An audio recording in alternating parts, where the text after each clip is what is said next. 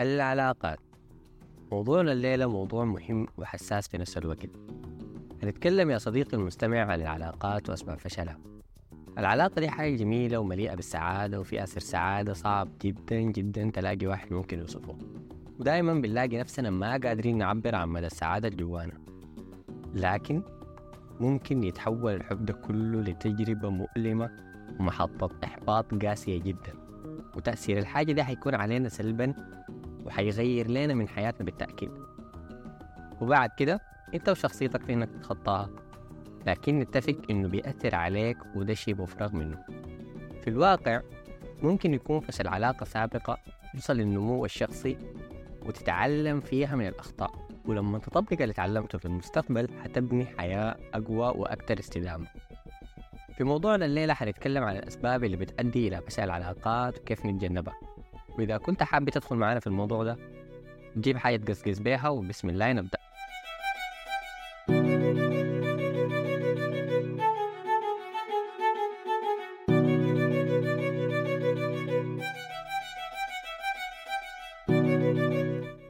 أهلا وسهلا يا صديقي المستمع في قناة فلنتحدث. كيف حالك وكيف كان يومك إن شاء الله تمام؟ في القناة هنا بنتكلم عن العلاقات سواء كانت علاقة عاطفية أو علاقاتك مع أصحابك أو أخوانك أو آبائك وما إلى ذلك. العلاقات بتفشل لأسباب عديدة وأول سبب وأهم سبب وده أساس فشل كل العلاقات ويعتبر السفاح الأول في تدمير العلاقات ألا وهو التواصل. يعتبر التواصل يا عزيزي المستمع من العوامل المهمة لنجاح العلاقات. وانقطاع التواصل يعتبر بمثابة مهدد كبير للعلاقة. صعب جدا على الزول إنه يفهم شعورك وإحساسك تجاهه من غير ما أنت توصل له ولا حاجة دي. سواء كان شعور ناتج عن حب أو شعور ناتج عن زعل أو شعور ناتج عن قلق. وصدقني لما توضح شعورك وخاصة لشريك حياتك الحاجة دي بتفرق شديد شديد. بتمد في عمر العلاقة بصورة ملحوظة ناخد مثال يوضح لنا أهمية التواصل. مثال على قدرنا كده. يعني مثلا نمسك اتنين معجبين ببعض وكل واحد شايف في التاني مواصفات شريك أحلامه وشايف فيه كل الجرين فلاجز اللي هو محتاجها في حياته. وما في بيناتهم أي تواصل ولا حتى سلام. كل واحد مخبي شعوره جواه. بالرغم من إنه ممكن يكون أكتر اتنين لايقين على بعض هم ديل إلا إنهم فقدوا علاقة ممكن ألف غيرها ما تعوضهم لها طيب خلينا نتكلم عن نفس الاتنين ديل إذا لمتهم الظروف وتعرفوا على بعض وشالوا أرقام بعض وبقوا يتونسوا وشافوا أفكار بعض وخلاص. كل واحد مقتنع إنه والله يا أخي أنا مستحيل ألقى شخصية بيرفكت وبتناسبني وأتقبلها بالصح والخطأ اللي فيها وكله بالنسبة لي حلو. لكن ما في واحد قدر يوصل للتاني شعوره تجاه الآخر. وأكيد هو ما عارف شعور التاني بالنسبة له شنو. وحندخل في دوامة أنا ذاتي هسه ما أقدر أدخل فيها. وكل ده بسبب عدم التواصل. طبعا بغض النظر عن موضوع البلد هو المفترض يصارح البيت أو ما في فرق بين الولد والبيت وكله ممكن يصارح عادي. ده ما موضوعنا أنا بتكلم عن قوة التواصل وده مجرد مثال يوضح لنا نقطتنا دي. تمام؟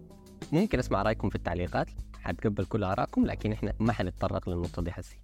طيب نفس الاتنين ديل نقول إنهم أوكي ارتبطوا وتعلقوا ببعض وأمورهم حلوة وكل شيء ماشي تمام وبدينا في مرحلة إنه ده منو سلم عليه ودي منو رسلت لك والغيرة بدأت تظهر. طبعا الغيرة حاجة جميلة جدا لكن لما تكون في حدود المعقول وحنتكلم عنها لقدام المهم إذا شريكك عمل موقف أو حاجة بسيطة بس أنت ما عجبتك وبلعتها وسكت وما جبت سيرتها لكن الموضوع مضايقك وأنت ساكت تصرفك حيكون واحد من الاثنين.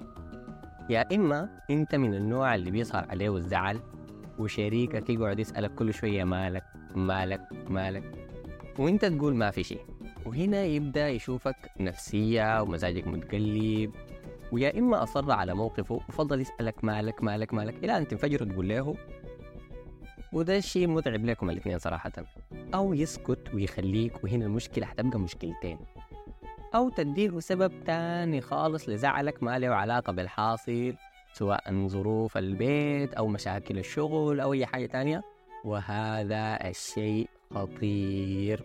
وممكن يكون صورة عنك إنك إنسان ضعيف بتتأثر من الحاجات اللي حولك وكل شيء ممكن يأثر عليك ودي حاجة غلط.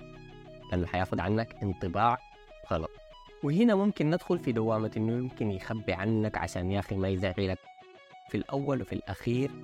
بس ما كان في تواصل ووصلت له شعورك تجاه موقف معين. ويا إما أنت من النوع الثاني اللي ما بيظهر عليك أبدا الزعل. وتكمل عادي وتمثل إنه ما في شيء. لكن أنت متضايق. وحبيبنا التاني ما عارف الحاصل وما عارف إنك غير مرحب بتصرفه. وهنا حيعيد التصرف ده إلى يوم القيامة. وعمره ما حيعرف إنه الشي ده ممكن يضايقك ويوقفه. لأنه ما عارف. فبالتالي أنت في كل مرة حتزعل وتزعل ويتراكم عليك الموضوع وحيجي يوم وحتنفجر فيه وكل شيء يخرب والعلاقة تبوظ بسبب شيء صغير حصل في الأول. وإنت قررت ما توصل للطرف الثاني شعورك تجاه التصرف البسيط ده وبسببه وصلت لكده. واحدة من الحاجات المهمة جدا التواصل المباشر. ما ممكن يمر يوم كامل أو أكثر من يوم من غير ما تتواصل مع الطرف الثاني جوستينج يعني.